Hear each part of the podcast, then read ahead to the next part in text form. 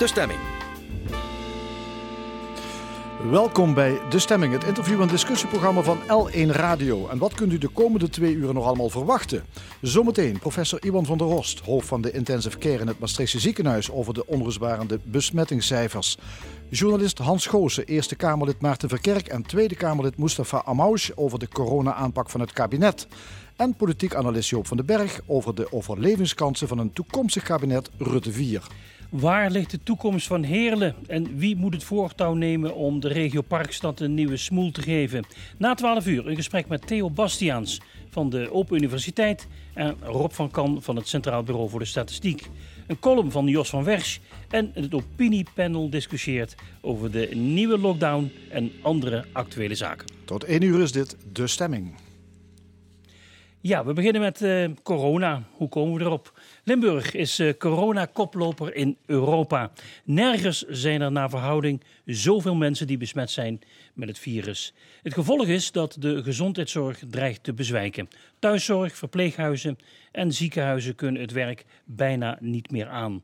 Nooit eerder stonden we zo dicht bij code zwart op de IC's. Onze eerste gast is professor Iban van der Horst, hoofd van de intensive care in het Maastricht Universitair Medisch Centrum. Goedemorgen. Goedemorgen. Ja, hoe is de situatie op dit moment in het ziekenhuis bij u? Um, heel druk. Er zijn nog bedden. Hè. Dat is heel belangrijk dat je ten alle tijden het gevoel hebt dat als er een volgende patiënt komt, dat je daar nog een bed voor hebt. En dat is de situatie. Maar dan moet je wel voorstellen dat we al in het aantal bedden opgeschaald zijn. Dus het creëren van vrije bedden zorgt ervoor dat je steeds meer bedden besteedt aan de mogelijke coronapatiënt. En we hebben het over bedden op de verpleegafdeling, maar ook op de IC's. Allebei. Ja, dus de snelheid van opschalen op de IC uh, was ietsje later dan op de afdeling. Omdat natuurlijk uiteindelijk komen de patiënten binnen en dan gaan de meeste gewoon naar de kliniek. En uh, vervolgens gaan er een aantal naar de IC. En in verhouding zie je dat gewoon het op de zaal het aantal bedden veel harder moet toenemen. Dus er was eerst één afdeling helemaal voor corona ingericht en nu een tweede. En dan zijn er de plannen van en hoe daarna. Ja, is dit vergelijkbaar in de andere Limburgse ziekenhuizen? Nou, ik denk zelfs dat het in de ziekenhuizen, het Zuiderland en in Vicurie uh, nog erger is. Uh, Vicurie heeft het echt heel erg uh, hard te verduren gehad de afgelopen 2,5 week. En daar hebben ze bijvoorbeeld, je kan het zien aan de mate dat je operaties bijvoorbeeld afschaalt.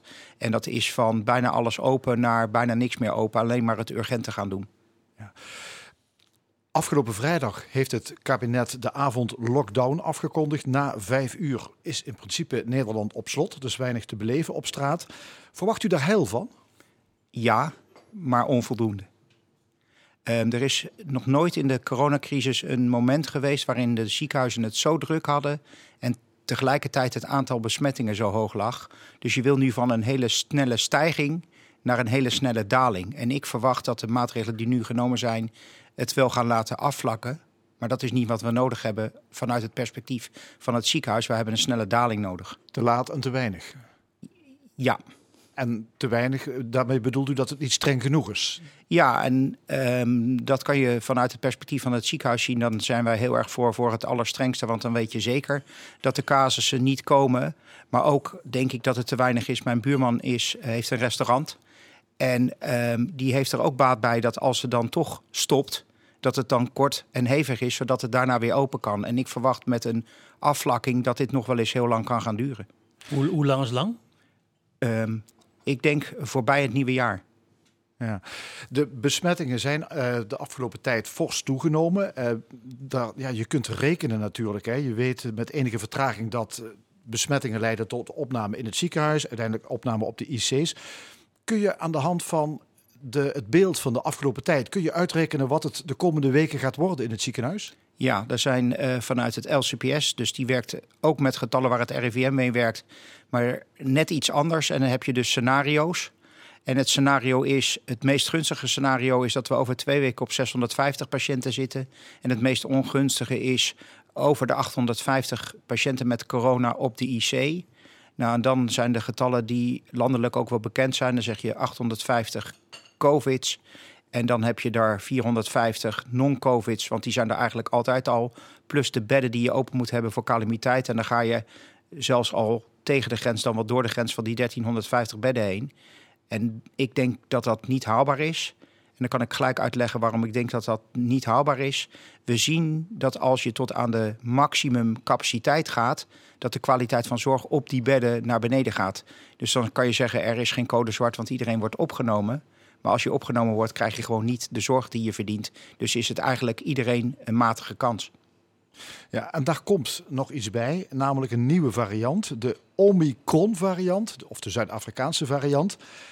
Dat schijnt een variant te zijn die nog veel besmettelijker is, maar we weten er nog niet veel van. Wat, maar wat weet u ervan?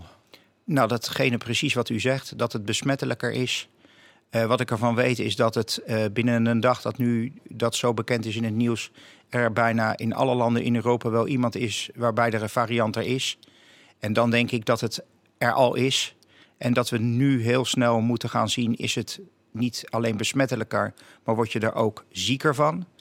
En werkt het vaccin voldoende tegen deze variant? En totdat we dat niet weten, moeten we het gewoon goed in de gaten houden. En dus niet uh, daar ongerust over zijn, maar gewoon waakzaam. Ja, wat moeten we doen? Je ziet nu dat reizigers die op Schiphol aankomen uit Zuidelijk Afrika, dat die allemaal uh, gecontroleerd worden, eventueel ook in quarantaine gaan als ze besmet zijn. Er zijn trouwens enorm veel besmettingen in, dat, uh, in die zieke, sorry, in die vliegtuigen, begrijp ik. Dat is wel opvallend. Nee, dat is helemaal niet opvallend, want je zit gedurende een hele lange tijd niet op anderhalve meter van elkaar. Ja, dus... Maar is het, is het aantal, de hoogte van de besmettingen niet opvallend? Nee, want ik denk dat het een hele lange vlucht is. En als dit een hele besmettelijke variant is, dan hoeven maar een paar mensen te hebben. En dan is het interessant om te zien of die incubatietijd, hè, dus de duur voordat je zelf positief bent, hoe lang dat duurt. Maar of het moet toevalligerwijs een club mensen zijn die uit een gebied komen waarin het veel meer aanwezig was dan dat het in Zuid-Afrika zelf is. Want daar valt het eigenlijk mee. Of het is dus toch zo besmettelijk dat je het in het vliegtuig krijgt. Ja, vliegen is risicovol. Ja, wat, wat, wat, wat kunnen we doen? Heeft eh, bijvoorbeeld het sluiten van grenzen, heeft dat zin? Nou, ik denk dat Nederland niet een land is waar je de grens kan sluiten. Um, hetgene wat zin heeft, is uh, wat we er zelf aan doen. Dus zolang je weet dat er een variant kan komen die besmettelijker is, is er des te meer reden om je aan de basismaatregelen te houden. En eigenlijk had je met de terugblik van de hele crisis als we ons heel lang aan basismaatregelen hadden gehouden, had het veel beter gegaan. Dus waarom zullen we nu niet vooruitkijken en zeggen, zolang we weer met iets geconfronteerd weten, worden wat we niet weten, laten we de basis goed doen in plaats van hele rigoureuze dingen. Ja, maar ja, mensen houden zich niet aan de basismaatregelen. Dat is nou juist het probleem in Nederland. Hoe krijgen we dat gedrag veranderd? Nou, uh, we zijn ooit de crisis begonnen met uh, dat Nederland een verstandig volk was. Ik denk dat het tijd wordt dat we het laten zien. Ja, ja, ja, intelligente lockdown, hè, die riepen we ook ons, over onszelf ooit. Nou, maar nog even over die nieuwe variant, hè, Omicron. Die kan ook gunstig zijn. Ja, dat klinkt heel raar. We, we schieten nu allemaal in de paniekstand van oei, oei, oei, een nieuwe variant. Maar het kan ook gunstig zijn, want hij is misschien wel besmettelijker dan de huidige Delta-variant. Dat betekent dat hij uiteindelijk die Delta-variant wegduwt. Maar dan is de vraag, kom, word je nou zieker van Delta of word je nou zieker van Omicron? Ja, misschien is het wel de redding. Juist. En dat vind ik het, het, het beste is dat je uitgaat van het ongunstige door je te gedragen en dat je het afwacht. Maar op het moment dat het dus een gunstige variant blijft, zoals u nu zegt, ja, dan, dan is het een zegen. En dan moeten we het eigenlijk als de wiede weer gaan, maar rond laten gaan. Want dan, uh, dan is. Je doet die Delta-variant weg. Dan doet die Delta-variant weg en dan word je wel ziek, maar minder ziek. Uh, ja, we zullen die getallen heel goed in de gaten moeten houden. Wat u schetst is namelijk heel belangrijk. Is dat we niet bij elke verandering denken dat het wel weer slechter wordt.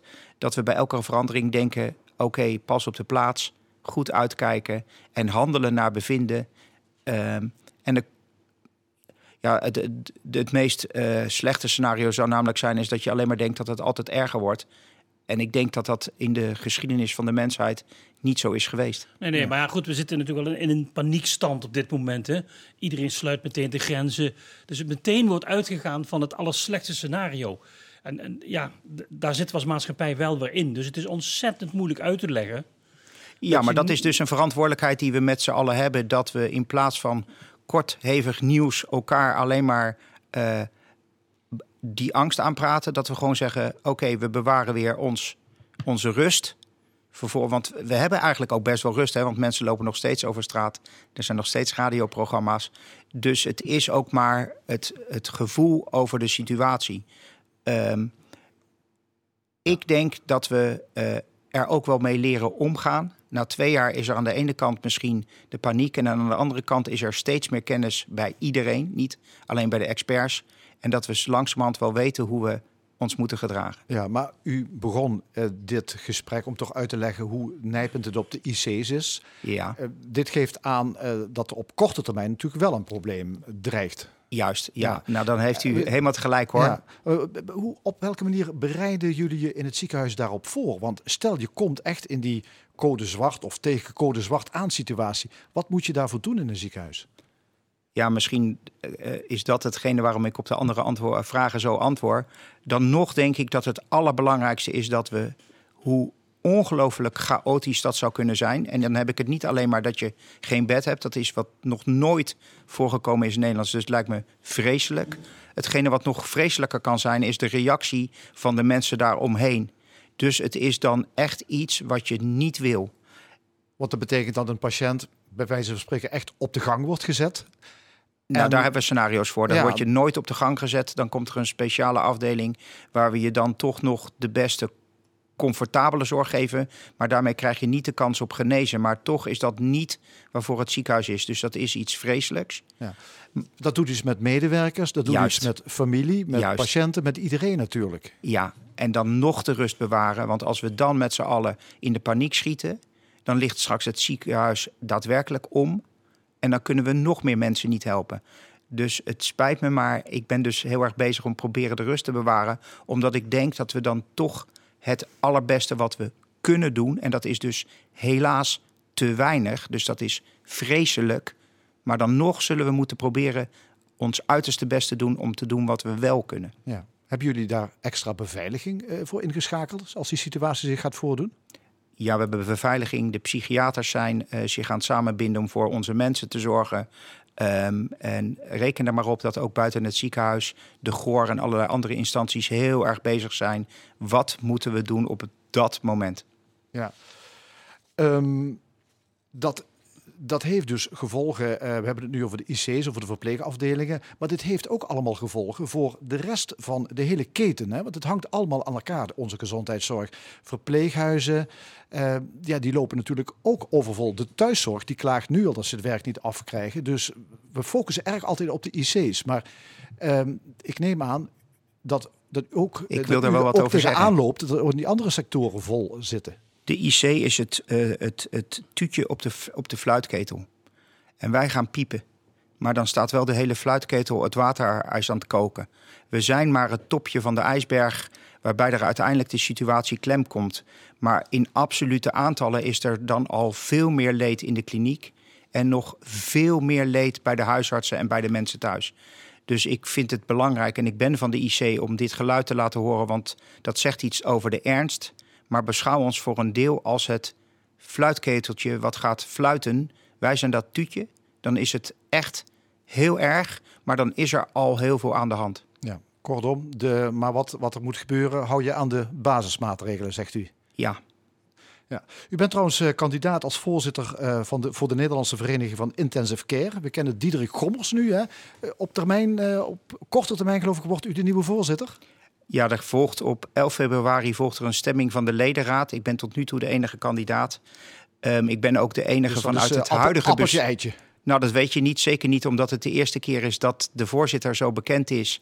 En het van tevoren netjes is aangegeven. Vroeger dat kenden wij helemaal geen mensen, geen medici, geen, geen epidemiologen ja, en virologen. Nee. zag je nergens. Nee, ik ben nu ook uh, de Maastrichtenaar die zich kandidaat stelt. Dus. U wordt een BN'er. um, ja, maar dan toch anders. Want ik ben, uh, ik ben niet Diederik. Uh, ik ben Iwan en de komende jaren verwacht ik dat we het vooral moeten hebben over de inhoud. Want er is iets gezegd over het capaciteit, er is iets gezegd over de verpleegkundigen. Dus ik ben enorm dankbaar dat Diederik uh, bekendheid heeft gecreëerd. En ik hoop dat het mij gegund is dat ik dan uh, mag gaan bouwen. Dank u wel. Iwan van der Horst, hoofd van de Intensive Care in Maastricht. Het is 20 over 11. Hier is uh, Tom Petty.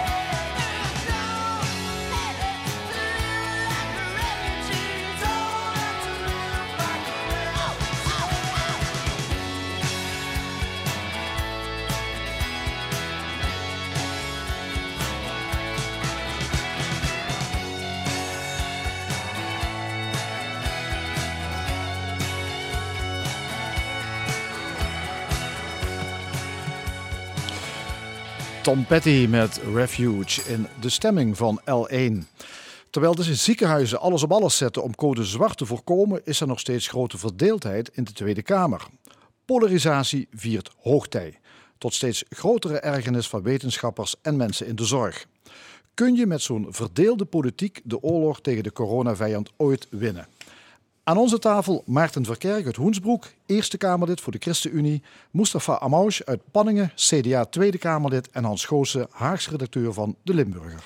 Meneer Amouche, uh, welkom. Uh, begrijpt u de zorg, uh, of de, zeg maar de, de, de, de ergernis vanuit de zorg en ook vanuit de wetenschap over eh, ja, de gang van zaken in de Tweede Kamer? De, de, de zorg wel. Kijk, de ergernis, dat gaat weer een stap verder. Wel, wel de, de zorg. Kijk, als je weet dat er alles op je afkomt. En de vraag of je het aan kunt. Hè, en, en de vraag, hè, de, de arts gaf het net ook al aan. Hè, het, het, wordt heel kritisch. Het is een dun lijntje tussen wel aan kunnen en niet aan kunnen. Ja, dan, dan begrijp ik dat zeker. En dan moeten we daar ook zorgen dat we erop gaan acteren. Maar als je naar die Kamerdebatten kijkt en je ziet de polarisatie.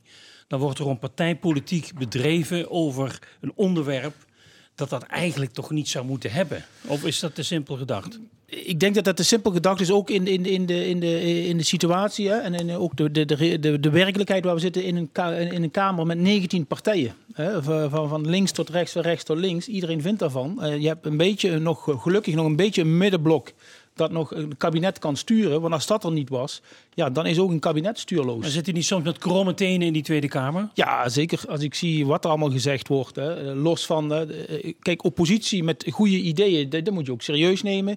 Maar daar zit ook nog wel heel wat flanken aan waar je zegt van, ja, daar maak ik me heel wel zorgen of we de goede kant op kunnen gaan. Hè? En dat je inderdaad niet polariseert of mensen inderdaad bijna brainwashed uh, met ideeën die helemaal niet reëel zijn. Hans Goos, je zit namens de Limburger vaak in Den Haag. Uh, komt het nog goed? Ik bedoel, die polarisatie, gaat dat door? Of gaan we toch op een punt komen en denken, ja maar wacht even jongens.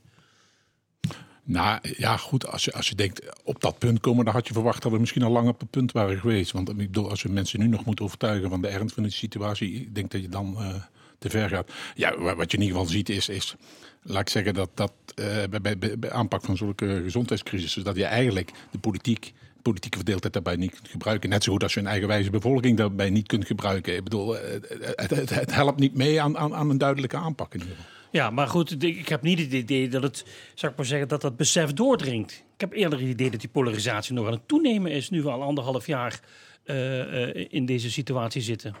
Nou ja, ik denk dat als je, als je het gros van de Kamerleden uh, op de man en de vrouw af zult vragen, dan, dan denk ik dat er vol goede bedoelingen zitten en dat er weinig mensen zullen zijn die daar de echte ernst van de situatie zullen ontkennen. Tegelijkertijd is, ja, heeft de politiek ook een eigen dynamiek en, en dan, ja, dan kun je zelf de witte raaf erin zijn, maar als er allemaal nog veel andere zwarte raven zitten die, die, die harder kraaien, dan, dan wordt het een stuk moeilijker. Ja.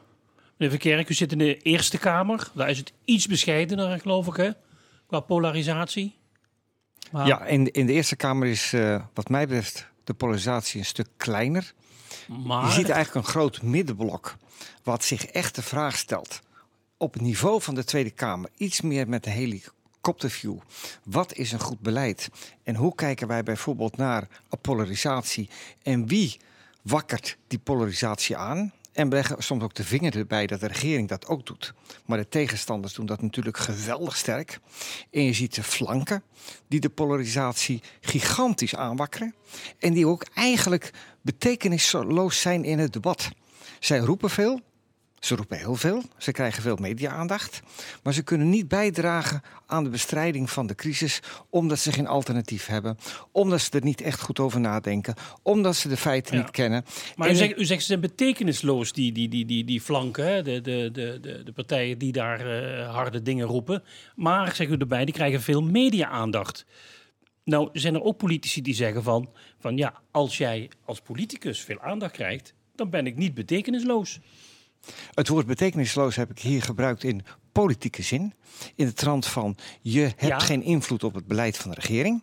Precies, maar dat is niet de opzet waarschijnlijk mhm. van die, die, die Kamerleden die dat soort discussies voeren. Bijvoorbeeld Forum voor Democratie, dat er altijd met gestrekt been ingaat. Kijk, eh, als je een aantal partijen hebt, of het nou Forum is, of ook, ook de heer Van Haga, een collega waar ik op economie heel goed kan samenwerken, maar op corona zeg ja, elke keer dat corona maar een griepje is, ja, daar is heel moeilijk mee te communiceren. En, en daar, daar, daar geef ik meneer Verkerk wel gelijk in.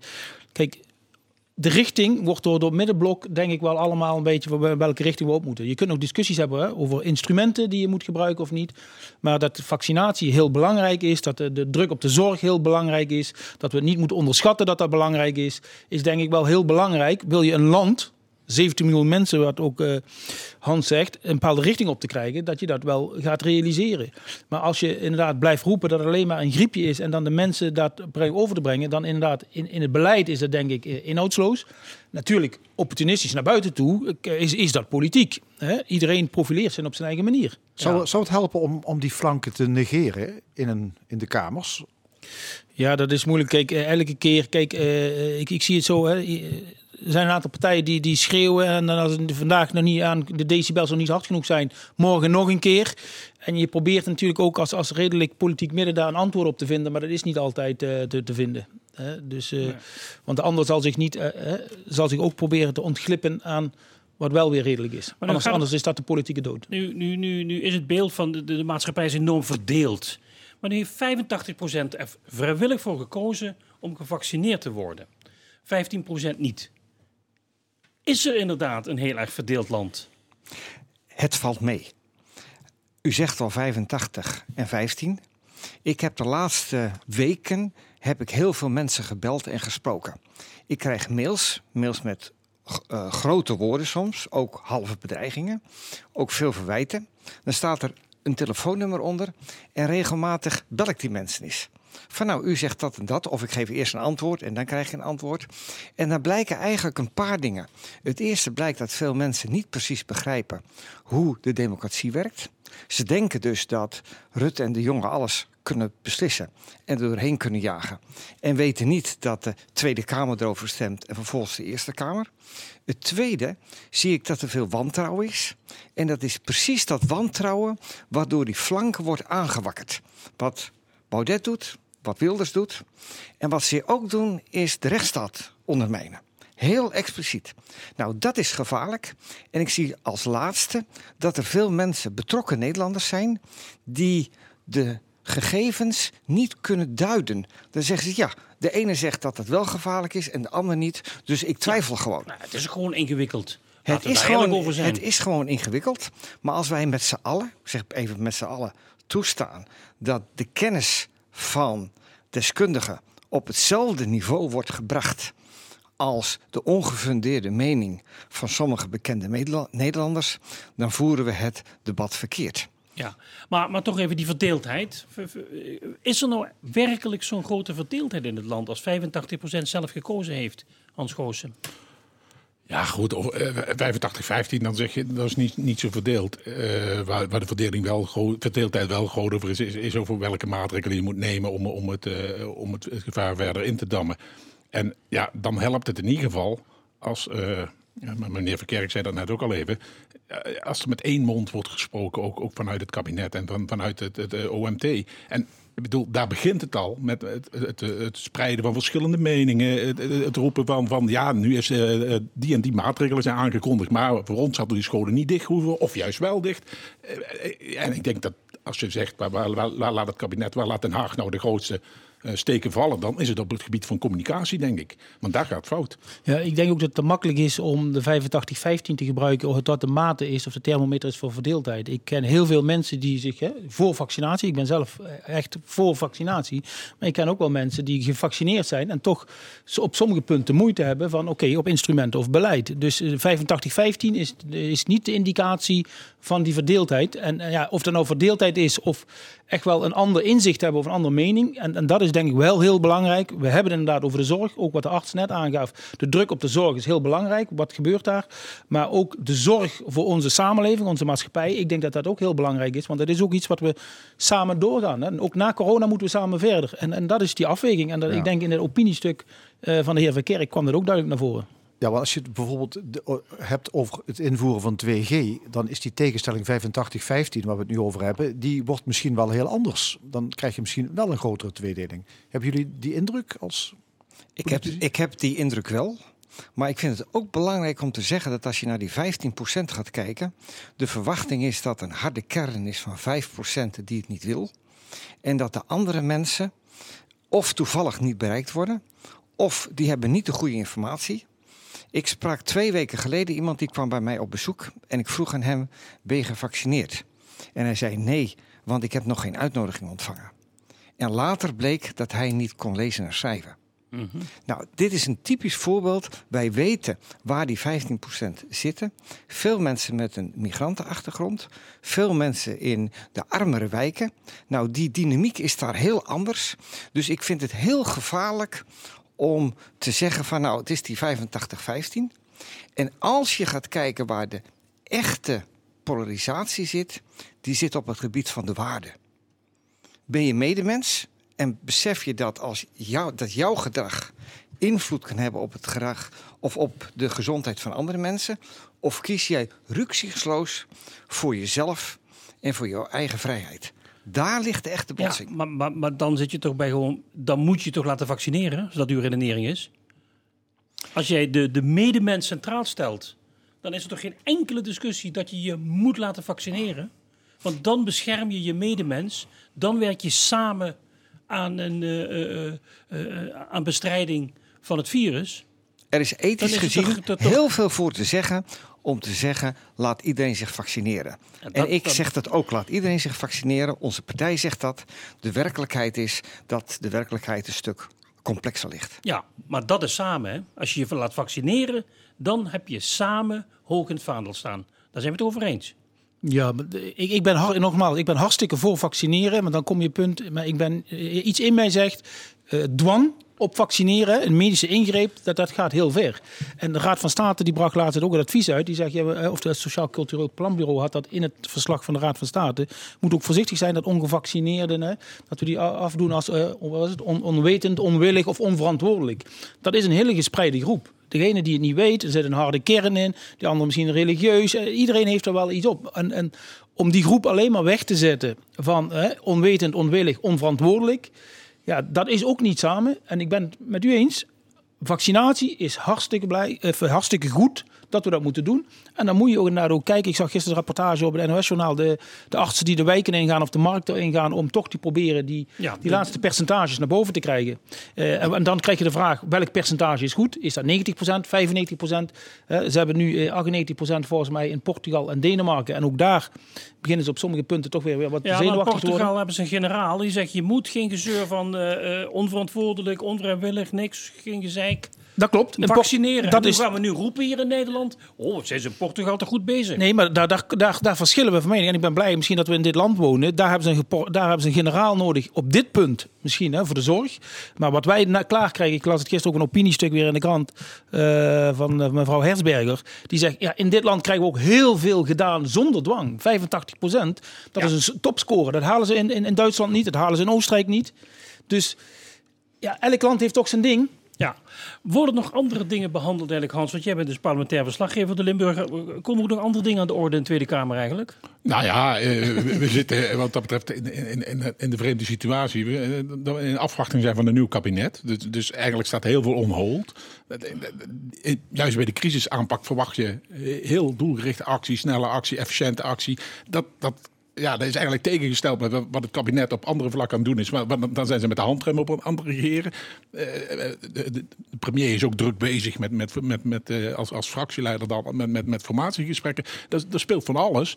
Alleen, uh, ja, corona overschaduwt natuurlijk het, totale... Heb, jij de, heb jij de indruk dat er ook een paniek uh, heerst in het kabinet over de aanpak van die coronacrisis op dit moment? Ja, dan, dat is, misschien gek voor een journalist, maar ga even een, een landsbreker voor het kabinet. Ga er maar eens aan staan. Hè. Rutte heeft in het begin geloof ik gezegd van, uh, ik moet met 50% van de kennis moet ik 100% beslissingen nemen. Toen hij klaar was met de persconferentie, zei een hoge ambtenaar tegen hem van, dat is 5%.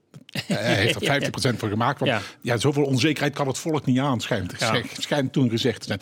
Eh, achteraf kunnen we natuurlijk iedere maatregel zeggen van, nou die was niet goed genoeg of die ging juist te ver. Uh, ja, zij zitten natuurlijk in een gaat er natuurlijk ook komen. En, en daar moet je vooral, dan moet je vooral straks gaan doen, maar dan, dan vooral om te kijken wat je ervan leert. Maar ik ken de uitslag al. Ik ken de uitslag al. Ja, is heel veel fout het is, het is heel erg moeilijk rijden in dichte mist. Ja, precies. En dat dan, is de uitslag van die parlementaire ontkenning. Nee, maar dat klopt. Maar ik ben blij dat de laatste persconferentie ook dat je moet je ook soms kwetsbaar opstellen. En dat, er worden ook fouten gemaakt. Hè. Misschien hadden we met de boosterprik eerder moeten beginnen. Maar ik probeer ook af en toe een stapje terug te nemen en toch op het op het Europese te reflecteren, ja, dan zie je dat elk land aan worstelen is. Hè. Dus het is niet zo van uh, Nederland is in één keer hè, de, hoe noem je het zwarte schaap. Kijk nee, maar, eens om de landen wat er gebeurt. Duitsland heeft heel veel IC-bedden. Daar hebben ze heel veel IC-bedden. Gelukkig ook de Duitsers helpen ons. Dat vind ik ook keigoed, hè, solidariteit. Maar ze maken zich ook zorgen dat daar de IC-bedden vollopen. 100.000 positieve uh, per dag. Hè? Dat is best wel heel veel. Jij noemt nou andere landen, maar dat is natuurlijk wel zo. Hè? Zweden is, is een keer verketterd om, omdat, omdat ze niks deden. Daarna was Zweden de heilstaat omdat het daar zo goed ging. Nu, nu, jij noemt net Portugal, wat, wat nu genoemd wordt als voorbeeldland. Mm. Nou, uh, Spanje wordt erbij bij in één adem genoemd. En we weten allemaal wat vorig jaar in Spanje is gebeurd. Ik bedoel, straks wordt Italië nog een modelland. En laten we vooral niet vergeten wat daar ook allemaal is gebeurd. En ja, dat, dat is dus gewoon heel moeilijk. Alleen, ja, wat, ik zei, eh, ik denk wel dat begint met, met gewoon duidelijke boodschappen verkondigen. En ik denk dat daar wel uh, het, het, kabinet en ook het hele crisisteam zich, zich nog een nodige kan aantrekken. Meneer Van Verkerk, is het er te gebrek aan leiderschap in Den Haag? Ik vind dat weer veel te simpel. Uh, als eerste, als ik kijk, dan vind ik dat op veel punten het kabinet het goed doet. Laat ik dat als eerste zeggen. Als tweede, ik heb ook best kritiek op een aantal punten. We hebben afgelopen dinsdag in de Eerste Kamer er echt over gekeken van wat gebeurt er nou? En we hebben eigenlijk gezegd, als je naar dat totaal gaat kijken, dat is als het ware een heel complex, een chaotisch systeem. En een van de grootste onvoorspelbare factoren is het gedrag van de mens. En elke modellering die je doet is fout. En elk besluit wat je neemt, kun je nauwelijks aantonen dat het gaat werken. Je kunt wel zeggen, oké, de basismaatregelen zijn handen wassen, afstand houden, mondkapje en nog een aantal dingen. Mhm. Je weet dat die maatregelen goed zijn. Of 1G, 2G, 3G of weet ik op wat ons, hoe ver ons dat gaat helpen. Dat weten we allemaal niet. En het systeem is te complex. Iedereen die zegt dat hij het wel weet, die snapt niet hoe complex dit systeem is. Ja, maar daarmee uh, zegt u eigenlijk ook die, die, die moeilijke discussie waar we met z'n allen in zitten, met, met van alle kanten bestookt worden met pro-contra-argumenten, daar gaan we waarschijnlijk dus nooit meer uitkomen. Dat gaat ons niet meer lukken. Ik wil we, iets... zitten gewoon, we zitten ook al twee, bijna twee jaar in zo'n discussie. Ik wil iets positiever zijn. We weten, en dan zeggen de medici, dat dit soort epidemieën drie tot vijf jaar duren. Nou, laten we dat nou eens even als eerste zeggen. We weten een aantal dingen wel goed hoe het virus zich gedraagt. We weten ook hoe mensen zich gedragen. En als mensen oh. zich niet aan de basisregels houden, bewust overtreden, dan hebben we een groot probleem in Nederland. Ja. Dank u wel, meneer Verkerk. Uh, Eerste Kamerlid voor de ChristenUnie, Hans Goos, journalist van de Limburger Den Haag. En uh, Mustafa Amoog, uh, Tweede Kamerlid voor het CDA. Zometeen hier in de stemming politiek analist Joop van den Berg over de duurzaamheid van het mogelijke toekomstige kabinet Rutte 4. Maar eerst terug naar de dansvloer in 1978, Earth, Wind and Fire met September.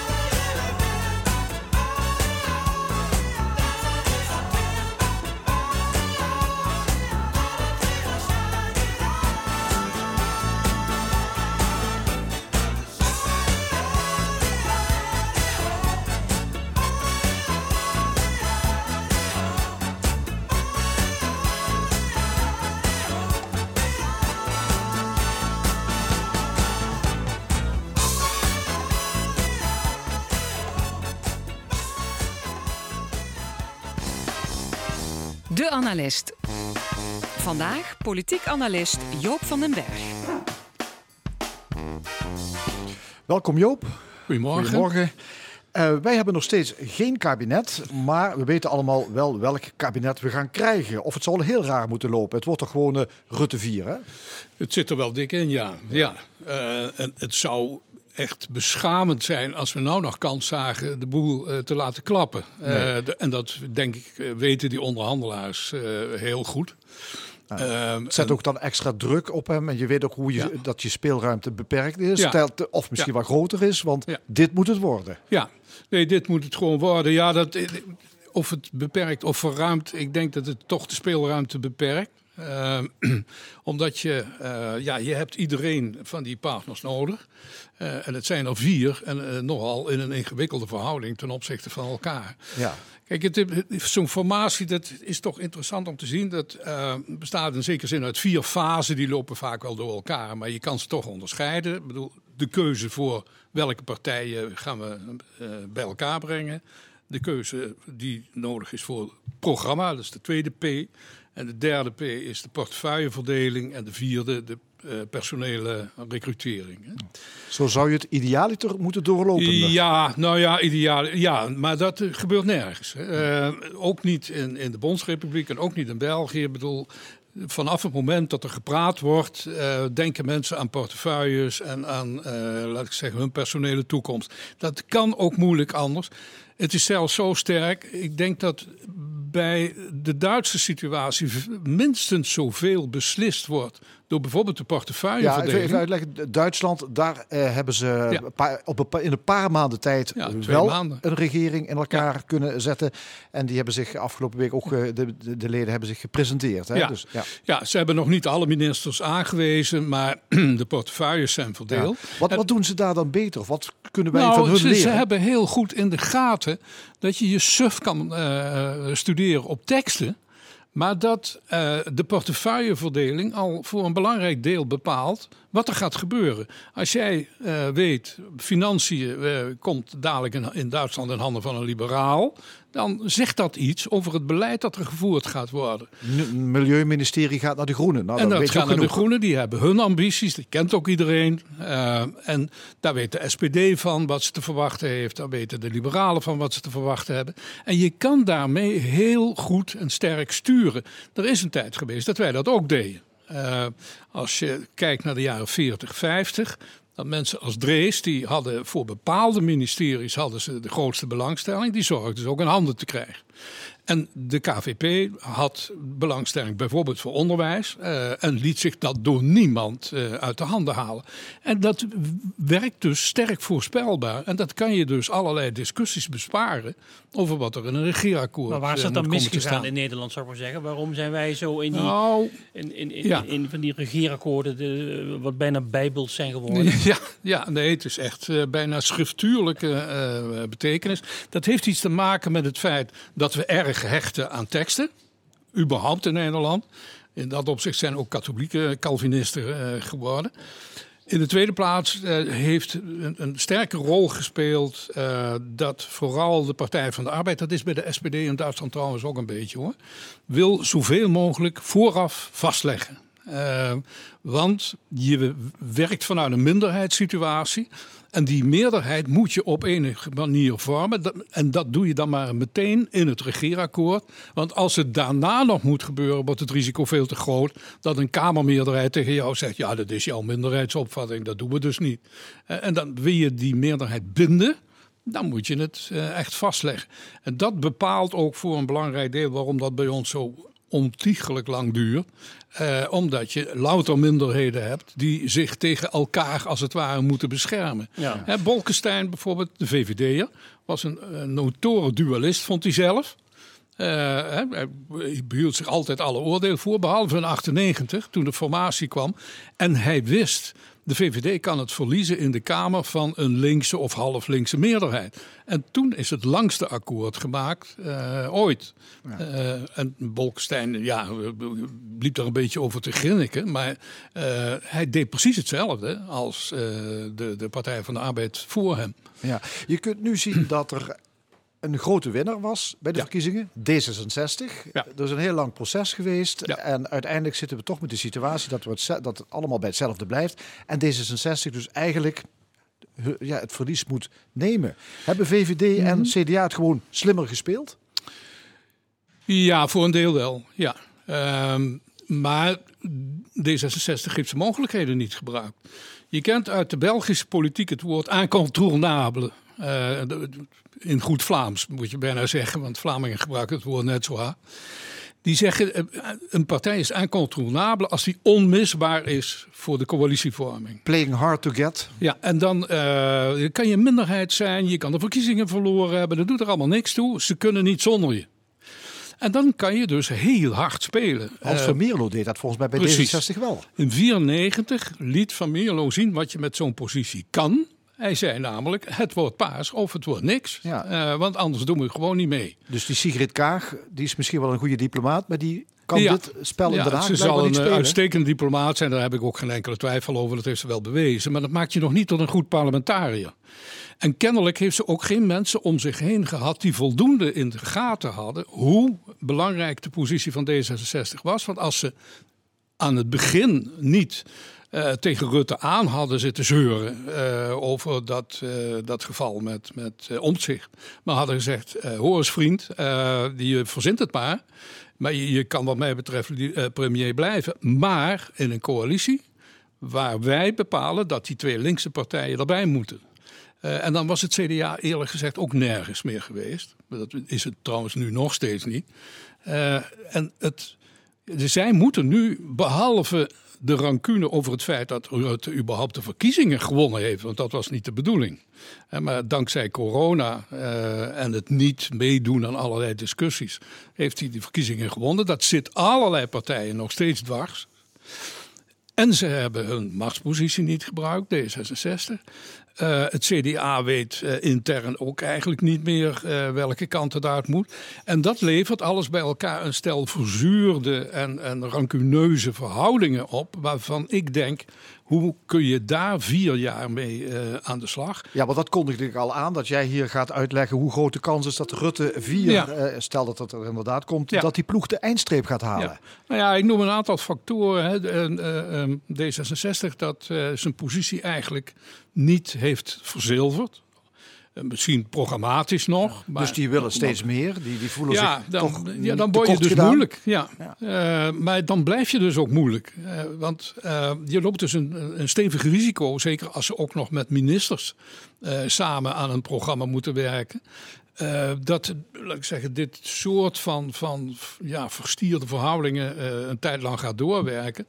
En dan krijg je een, situatie die vergelijkbaar is met het kabinet van 8-2 in 1981. eh, waar met de Partij van de Arbeid tandenknarsend samengewerkt moest worden. En met D66 trouwens. Ehm, en ja, waar je na negen maanden al zag dat, eh, eh, dat het afgelopen was. Ik veronderstel dat het verantwoordelijkheidsbesef van eh, deze politieke leiders groot genoeg is. Om het, zeker in de omstandigheden van het moment, hè, de corona, maar ook de klimaatcrisis. Er staat nogal wat op het spel. Ja, maar dat wordt natuurlijk wel. een- Dat, dat wordt lekker. De corona ettert maar door natuurlijk nog. Tuurlijk. Maakt het ook niet makkelijker, laten we eerlijk zijn. Eh, Dus met andere woorden, eh, het vertrouwen in de politiek de komende Mhm. eh, eh, periode gaat niet groeien. Nou zeg, nou zeg ik het geloof voorzichtig. Ja, nou ja, dat, het hangt ervan af. Kijk, als, eh, als ze al die, die, die verzuringen en die tegenstellingen weten te overwinnen, wat ik een prestatie van je welste zou vinden, want ze hebben het een en ander voor elkaar gekregen.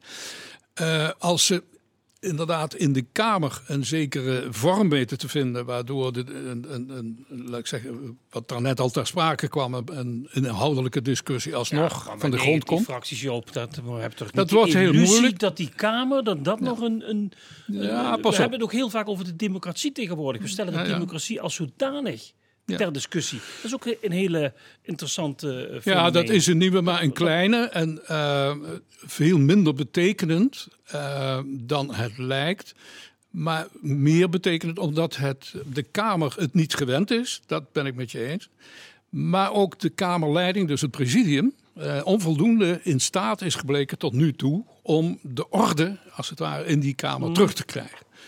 Dat zal wel moeten. En ik, ik, ik, weet niet of ik hoge verwachtingen moet hebben van het gesprek daarover.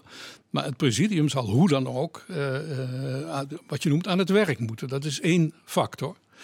Um, wat ook een belangrijke factor is, Partij van de Arbeid en GroenLinks waren natuurlijk diep teleurgesteld over het feit dat ze eh, de tent uitgestuurd zijn. Hoewel je dat van mij af aan kon zien aankomen als je het mij vraagt. Maar goed, um, het is wel van belang dat er een, in de Kamer een kernoppositie is van 38 zetels ongeveer. Uh, waar Volt uh, serieus te nemen is, uh, maar ook die gezamenlijk, als het ware, een soort progressieve eh, oppositie kan voeren. En als ze ook nog kans ziet onderling de taken te verdelen. En daar uh, denk ik de SP ook van groot belang is. Het heeft een aantal uitstekende Kamerleden. Uh, dan zou je inderdaad ook vorm kunnen geven aan die oppositie. Dat zie je nu al een beetje groeien.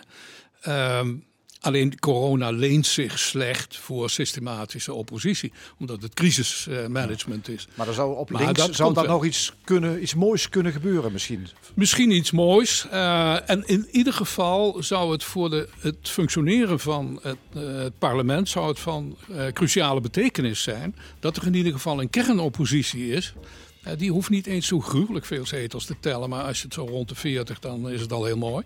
Die uh, systeem kan brengen in uh, de wijze waarop uh, het kabinet benaderd wordt. en ook kritisch bejegend, want de oppositie bepaalt uiteindelijk de kwaliteit van de democratie. Ja, dus goed dat we ook een goede oppositie krijgen op deze manier. Al was het niet zo bedoeld volgens nee, de deelnemende partijen, denk ik. Ja. Dankjewel, Joop van den Berg. Dit was het eh, eerste uur van de stemming. Zometeen na 12 uur gaan we praten over Parkstad. Hoe kom je af van je verleden en hoe vind je een nieuwe toekomst? En natuurlijk onze opiniepanel en columnist Jos van Wersch. Tot zo.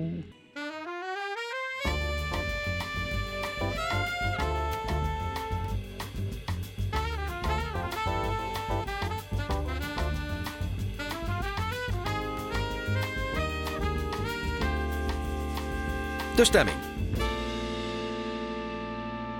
Welkom bij het tweede uur van de stemming. En we hebben zo meteen een gesprek over de last van het mijnverleden die hele de aparte blijft spelen. Een column van Jos van Wersch. En vanaf half één discussieert ons panel met uh, vandaag Ingeborg Dijkstra, Wim Haan en Joost Reinaerts over natuurlijk de nieuwe coronamaatregelen en andere actuele zaken. Maar eerst de toekomst van Parkstad. De net vertrokken bestuursvoorzitter Marten Paul van de Universiteit Maastricht hield deze week in Heerlen de Dansen op de Mijnenlezing. Met als thema verandering van een regio. Hoe kom je af van je verleden en hoe vind je een nieuwe toekomst? En waarom werkt Maastricht bij sommigen in Heerlen nog steeds als een rode lap op een stier? Aan tafel twee mannen die werken aan de toekomst van Heerlen. Rob van Kam, directeur van het Centraal Bureau voor de Statistiek in Heerlen. En Theo Bastiaans. En hij is rector magnificus van de Open Universiteit in Heerlen. Heren, welkom. Goedemorgen. Goedemorgen. Um, om maar te beginnen met die, die rode lappende stier. Had Martin Paul daar een uh, punt mee, meneer Van Kan?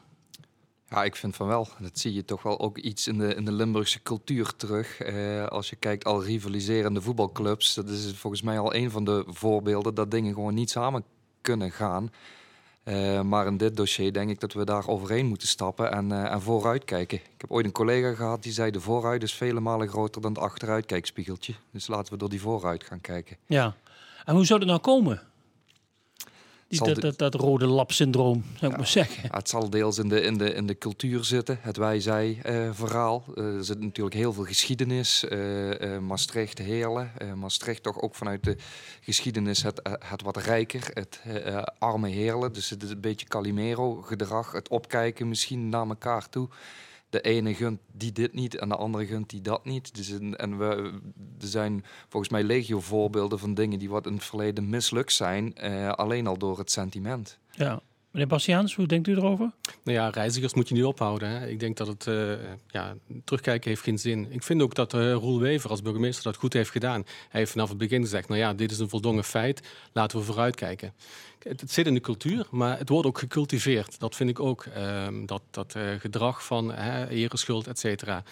Ehm, kijk, het is ook niet handig gebeurd. Hè. Ik bedoel, eh, DSM had dat anders kunnen aanpakken. Bijvoorbeeld een cultuurprijs kunnen instellen. Nou ja, die verhuizing van het hoofdkantoor ja, precies. naar, Kijk, naar, dus het is een beetje onhandig gelopen. Maar eh, eh, laten we gewoon eh, hierbij niet verder stilstaan en vooruitkijken. Er Nee, zijn nee, zoveel want- mooie dingen in Heerlen. Ja, want Martin Paul zei in eh, de, de Dansen op de Mijnen toespraak...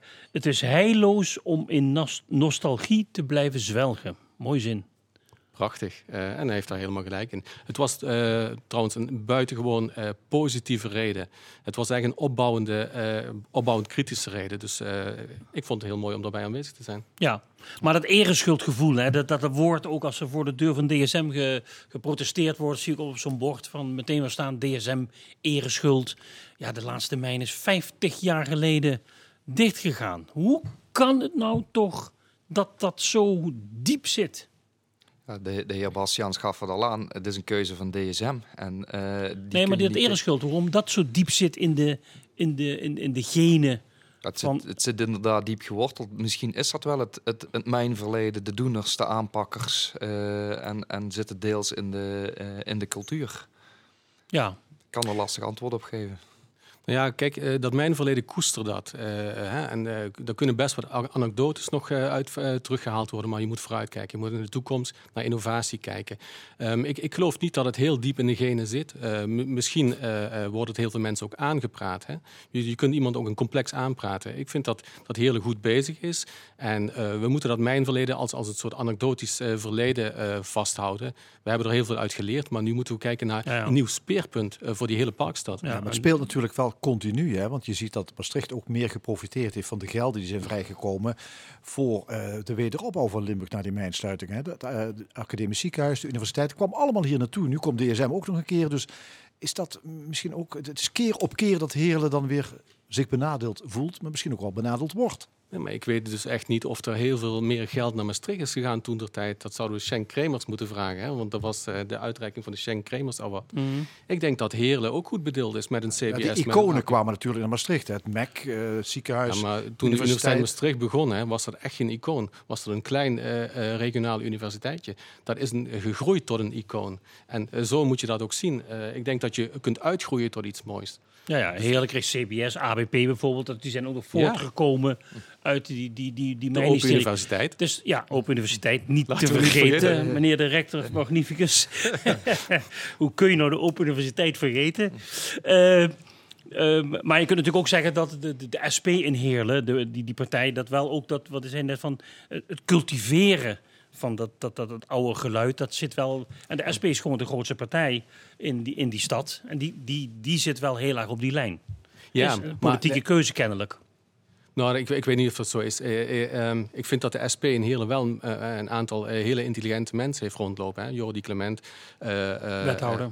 Ja, pre- eh, precies. Eh, eh, de heer Meijer. Hè. Eh, Ja. ik bedoel, hij maakt wel een punt, maar ehm, eh, dat activistische en, en dat- blijven hangen in het verleden, dat is misschien eh, voor deze partij een beetje iets meer kenmerkend. Maar als we met z'n allen eh, ehm, dat niet meer zo zouden omarmen, en ja, Ja. dat- dan komen we vooruit. Ja, maar de laatste mijnwerker is, eh, is onlangs met pensioen gegaan bij het CBS. Dus volgens mij is het dan nu de kans om een, een nieuw verhaal te gaan maken samen. ja. ja, nou laten we daar eens mee beginnen dan. Dat nieuwe verhaal van Heerlen. Waar, waar ligt het nieuwe verhaal van Heerlen als je vanuit uw perspectief kijkt? Het CBS, eh, kantoor in Heerlen, eh, groot kantoor voor mensen werken er? Eh, een kleine duizend. Ja, hoogwaardige arbeid, bezig met, met, met, met hooggeschoold werk, veel, statistieken. Ehm, waar ligt het begin van het nieuwe verhaal van Heerlen?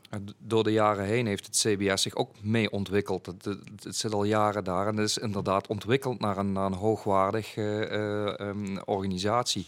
Als je kijkt, eh, als je over de gang loopt, dan ben je eh, met, eh, met je promotie op zak nog een van, de laagste IQ's daar. Dus dat, Ja. Ehm, als je kijkt samen met de Brightlands Campus, de Hogeschool Zuid, de Open Universiteit, er volgens mij op data, big data, artificial intelligence. En zowel een hele hoop kennis, maar ook een hele hoop, hoop middelen en mogelijkheden om je op dat gebied verder te ontwikkelen. Uh, met de vestiging van Doc Morris uh, uh, en Medtronic in Heerlen. Ja, dan heb je nog APG. In de medische kant zitten die medische, medische apparatuur. Ja, precies. Dus dan, dan, dan, dan heb je misschien Maar er zijn allemaal nieuwe sectoren van ja. de economie... waar je wel ook jongeren voor nodig hebt. Ja. Opgeleide jongeren. Is dat niet een, een, een risicofactor? ik zie het eerder als een kans. Want ook om over die, die, die gemeentegrens heen te kijken. Uh, Universiteit van Maastricht, Open Universiteit, Hogeschool Zuid. Uh, uh, daar kunnen we ons samenpakken in een driehoek. Maar volgens mij liggen er nog veel meer kansen, ook in de regio. Bijvoorbeeld met de, met de Hogeschool van Aken of de uh, Hightech Campus uh, maar dat, dat, Diepenbeek. Ja, dat vind ik een goed voorbeeld van de Hogeschool, de RWTH in Aken. Ja. Ik, ik, kan me nog een gesprek met Thijs Wildges herinneren. Wijle Thijs Wildges, die altijd zei van... ik snap niet waarom ze allemaal naar Delft gaan. Ik bedoel, de beste mijnbouwkunde en, en technische universiteit... die ligt hier over de grens in Aken, bij, bij Kerkrade. Maar we gaan toch in Delft studeren. Wat ik ermee wil zeggen is van, want dit gesprek is van vorige eeuw, dat wat u zegt, dat dat al zo lang wordt geroepen. Ja, en waar blijven die vruchten daarvan? Ja, ik denk dat we uh, wel echt een handje moeten gaan helpen daarmee. Nee, ik, ik, heb een ander uh, perspectief erop. Het is niet het verhaal van Heerlen, hè, het is het verhaal van Parkstad. En ik denk uh, eerlijk gezegd, de reputatie van het hele Parkstad, Heerlen, Kerkrade, Landgraaf, Brunsum, noem het maar op, is niet zo al te best. Dus, uh, en dat kun je en dat moet je verbeteren. En dat moet je gemeenschappelijk doen. Noem het ook Parkstad met een subtitel Heerlen. Dus het is Pinkpop Parkstad en niet Pinkpop Landgraaf. Dus hij draagt dat als een merk uit, zodat je een ander perspectief uh, krijgt. Uh, niet dat er een of ander ijdel dametje op tv kan roepen. Hè, 14 dagen vakantie in Heerlen. Ik moet er niet aan denken, bij wijze van spreken. Ja, dat is onlangs gebeurd, hè, door ja. Chantal Jansen. Um, ik denk dat um, natuurlijk wij zijn echt van het samenwerken. En uh, Parkstad moet ook van het samenwerken zijn. Maar trek je niet op alleen maar aan anderen. Trek je niet op aan de RT, RWTH, aan uh, Maastricht of, of, weet ik wat. Zorg ervoor dat je een eigen speerpunt kiest, wat in de toekomst ligt. Dat is belangrijk. Maak je eigen visie, je eigen verhaal. Kijk, hè, en dat zei Martin Paul min of meer. Kijk naar AI, Kijk naar... Uh, AI, Artificial Intelligence, ja. kunstmatige intelligentie. Ja, ja dat, dat woord kunnen we wel uitspreken, dat lukt me ook nog net. Maar heel veel mensen hebben toch geen idee wat dat is? Nee, nee, nee maar goed... Kunstmatige het is... intelligentie.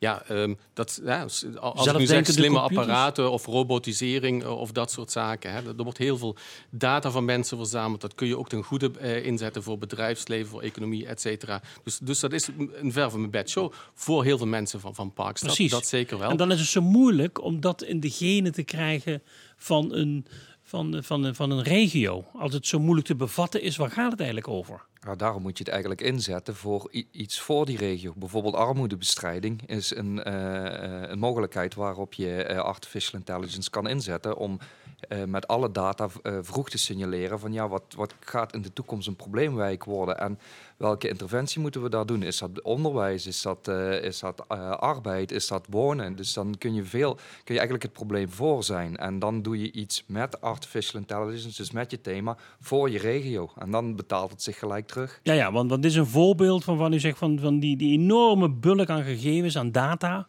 die u heeft bij het CBS, dat, hm. die hebben ook een soort voorspellende waarde. Uiteraard. En dat is eigenlijk. Ja, u zegt uiteraard, maar, maar wordt het ook zo gebruikt dan nu? Op grote schaal? Nou, uh, eh, CBS voorspelt niet. Die, die Precies, je kijkt er altijd terug. Ja, nou ja, we proberen zo kort mogelijk terug te kijken. Want de data uh, van gisteren zijn relevanter dan de data van, uh, van vorig jaar.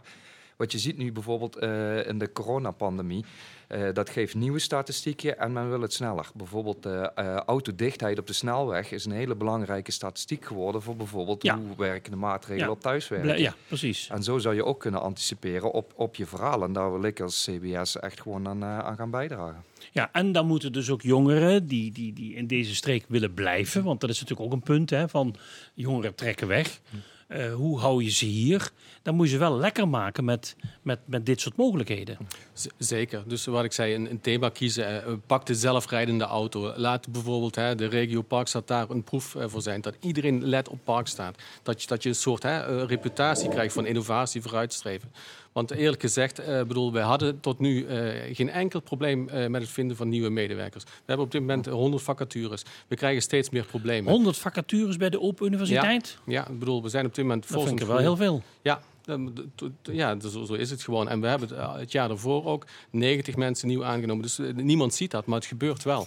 En ehm, helaas kan ik heel weinig mensen ervan overtuigen om in Parkstad te gaan wonen. En waarom is dat? Nou ja, de, reputatie, de kwaliteit van leven. Ik, bedoel, ik woon zelf in Eigelshoven, eh, is op zich prima. Maar uh, je kunt heel moeilijk mensen ervan overtuigen. En, en, daar begint het toch ook wel. Als je mensen hier wil houden. En we hebben het hier over hoger opgeleiden. En dan vind ik echt, uh, je moet je richten op armoede. En de Open Universiteit doet ook mee aan die armoedebestrijding in de hele Noord, et cetera.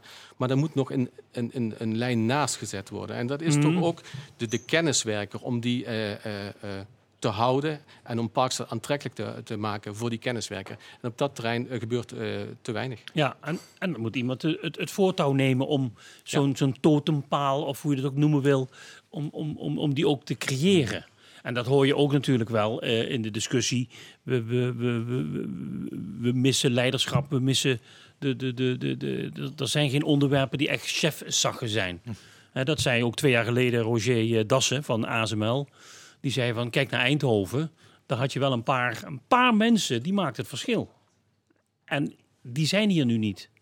Nou, volgens mij zitten er hier twee. Dus het, uh, uh, nee, maar wat ik wel zie ook, uh, en dat, dat is echt iets van de, van, de, van de laatste tijd. Ik zie op bestuurlijk niveau de burgemeesters zich wel echt samenpakken in, de, in die regio Parkstad. Mm. Een voorbeeld is, uh, Parkstad heeft het eerste uh, Urban Data Center dat over de gemeente heen gaat. Dus samen met uh, de gemeente in het Parkstad. Dus wat is dat, een Urban Data Center? Dat is eigenlijk dat je toegang krijgt tot geaggregeerde gegevens voor je, voor je eigen gemeente. maar dit is toegang tot geaggregeerde gegevens voor Parkstad. Dat is uniek in Nederland. De, de eerste gemeentes die wat zich eigenlijk samenpakken om die, om die stap gezamenlijk te zetten. En, en waarom is dat een goede stap? Dat burgemeesters over de eigen gemeentegrens heen gaan kijken en dus zien dat je uh, samen efficiënter, sterker, krachtiger uh, bent. Mm, want je moet elkaar ook wat gunnen. Hè? Dat is natuurlijk al. Ik zit al een tijdje in de journalistiek, maar deze hele eeuw. En we zitten toch al twintig jaar in deze eeuw. Gaat het over het thema dat mensen dat, dat in zo'n regio Zuid-Limburg, want daar hebben we het vooral over. In die regio Zuid-Limburg, die gemeenten elkaar ook niks gunnen. Ja, maar nu is de tijd Weinig gunnen. De tijd is. Uh, als je ja, kijkt... dat, dat heb ik in die twintig jaar ook vaker gehoord. Ja, uh, maar goed, het kan toch kloppen wat je zegt. Ja. Petra Dassen, uh, Richard de Boer, Roel Wever. Allemaal nieuwe burgemeesters van een nieuw elan met een nieuwe daadkracht. zet die mensen bij elkaar. Het liefst dan ook met een aantal grote werkgevers. met een aantal filantropen uit de regio. Maak een soort Bilderberg-overleg mm -hmm. van een aantal stakeholders. En bedenk een visie. En ga dan uit elkaar en draag die visie uit. Je moet natuurlijk niet met verschillende, weet ik wat, eh, gemeenteraden, eh, et cetera, eh, gaan samenzitten. Er zijn te veel meningen. Er zitten ook heel veel natuurlijk partijen bij, hè, splintergroeperingen, et cetera, die, die dat gebruiken om politiek gewin. Maar echt mensen die inhoudelijk een visie willen. En die echt niet vanuit een, een, een persoonlijk belang daar zitten, maar die echt samen die regio willen omarmen. Mm. maak zo'n overleg. Um, neem de leiding en dan komt er vast wat moois uit. Ja, maar goed, de, de, uh, er wordt altijd gezegd van het kan alleen maar als je uh, minder gemeentes hebt, een paar grote gemeenten. Maar dat, ik denk dat we die discussie toch zouden moeten vermijden. Want als je namelijk die discussie over gemeentelijke herindeling, schaalvergroting vermengt met zo'n visiediscussie, dan wordt het allebei niks. Moet je absoluut uitblijven. Ik zou eerder ja, over want, die want je kunt ook zonder, zonder herindeling kun je visie hebben. Zeker. zeker. Maar, maar wie zou het voortouw moeten nemen? Want dat Geen is... politicus. Geen politicus? Geen politicus. Ik heb er lang over nagedacht, want we hebben daar vorige week maandag ook over gesproken. Um, zou dat de gouverneur moeten zijn? Ik, ik, denk het niet. Ik denk dat, dat je eerst een plan moet hebben als regio en dan naar de provincie moet stappen. En eh, bedoel, de nieuwe gouverneur zal dat met zekerheid ondersteunen. Ik bedoel, want hij, kent deze regio heel goed. Maar uh, laat hem vooral niet bij dit soort zaken de trekker zijn. Want het afbreukrisico is ook groot en dat kunnen we ook weer niet gebruiken. Daar ja, ook geen burgemeester betrekken, want dan wordt er weer gezegd van nou, daar zit een persoonlijk belang bij. Dus, dus dat, daar zal iemand. Ja, er moet iemand, ja, maar er moet iemand opstaan. Dit, dit, ja. dit wordt wel een, uh, een hele grote. Die, die, waar, waar haal je die vandaan? Ja, Schenk Kremers is het ook gelukt. Hè?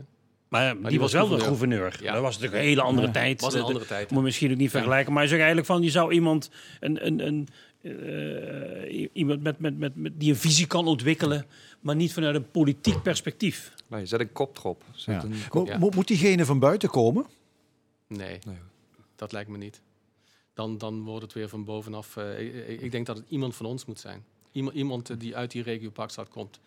We hadden het net inderdaad over de sentimenten. Hij moet wel die sentimenten kennen en daar wel overheen kunnen stappen, uiteraard. Maar op het moment dat je dat niet in je, in je DNA hebt zitten, dan, dan snap je het ook niet en dan gaat het niet lukken. Maar ondertussen moet er wel nog wat gedaan worden aan het draagvlak voor samenwerking binnen die gemeente. Kijk, de herindeling, dat is natuurlijk uit een boze. Dat heb ik ook begrepen. Jammer, maar het is niet Ja, niet meer over hebben, want dan zijn we weer tien jaar verder. Ja. Maar uh, zorg wel dat je onder één paraplu uh, gemeenschappelijk naar buiten treedt. Want uh, de, de, reputatie die aan die dorpen en gemeenten en die namen vasthangt, is vaak toch ook heel moeilijk ja. te veranderen. Tot slot, wat is het meest spannende project waarmee u bezig bent, u bij de Open Universiteit op dit moment? Nou ja, ik vind het wel heel spannend en ook heel leuk en mooi dat we zijn ingestapt als aandeelhouder bij Brightlands. Daar willen we ook iets moois van maken. Bij de, bij de Heerlandse versie van Brightlands, hè? Er zijn, er zijn er meerdere. Maar... Ja, er zijn er vier. Uh, ja. uh, maar goed, het, het, is één eenheid. Dus ja. uh, het is belangrijk voor ons als, als universiteit om daarbij te zijn. En waarom is dat spannend? Wat gaat u daar dan doen? Wat verwacht u daarvan? Nou, veel meer samenwerking. Um, ik ben eigenlijk al drie jaar bezig hè, om die regio en de belangen daarvan, om dat naar voren te brengen en veel meer die Open Universiteit ook in die regio een, een, rol te geven. Wij willen maatschappelijk relevant zijn en dat doen we door middel van die, van, van die uh, Brightlands uh, campus. En er zitten heel veel, uh, eh, 80, hè, innovatieve partners, bedrijven, organisaties. En ze zijn allemaal bezig met data, met gegevens, hoe je daar wel, ja. kennis uit kunt peuren, ja, zeg maar. Veelal wel, ja. En ik, ik denk dat het gaat groeien. We hebben nu een AI-hub gekregen, een landelijke AI-hub, waar de Open Universiteit ook in participeert samen met Maastricht en dat, die is gestationeerd in Heerlen. Dus we kunnen ons echt goed op de kaart zetten. Ja, moeilijk onderwerp, maar wel heel erg veel toekomst in. Heel erg uh, belangrijk voor de toekomst. En het meest spannende project bij het CBS in Heerlen? Um, dan ga ik hem misschien iets concreter maken. Uh, wij, uh, wij stappen in ook op de maatschappelijk relevante thema's. Bijvoorbeeld klimaat is zo'n interessant thema, hot topic nu. Uh, wat wij uh, momenteel kunnen is aan de hand van satellietdata, u kent ze wel via Google Earth, uh, kunnen wij zonnepanelen tellen. En aan de hand van die telling kunnen we berekenen hoeveel zonne-energie er geproduceerd wordt. Nou, dat vind ik nou lekker concreet. ja. Maar je kunt een hele hoop tellen hè, via satellieten, denk ik. Hè? Maar goed, dat, dat, dat is een, daar ben u echt serieus. Binnenkort krijgen we daar cijfers van. Ja, zeker. Van hoeveel zonnepanelen staan er in Limburg? Ja, ja precies. En dat kun je op wijkniveau, parkstad, kun je dat, uh, kun je dat publiceren. Nou, fantastisch. Gaan we op wachten. Rob van Kam, directeur van het CBS in Heerlen en Theo Bastiaans, rector van de Open Universiteit. Hartelijk dank. Graag gedaan. Zometeen in de stemming de column van Jos van Wersch en het opiniepanel neemt het nieuws van de week door. Maar eerst muziek van Carlos Santana en Rob Thomas. Smooth uit 1999.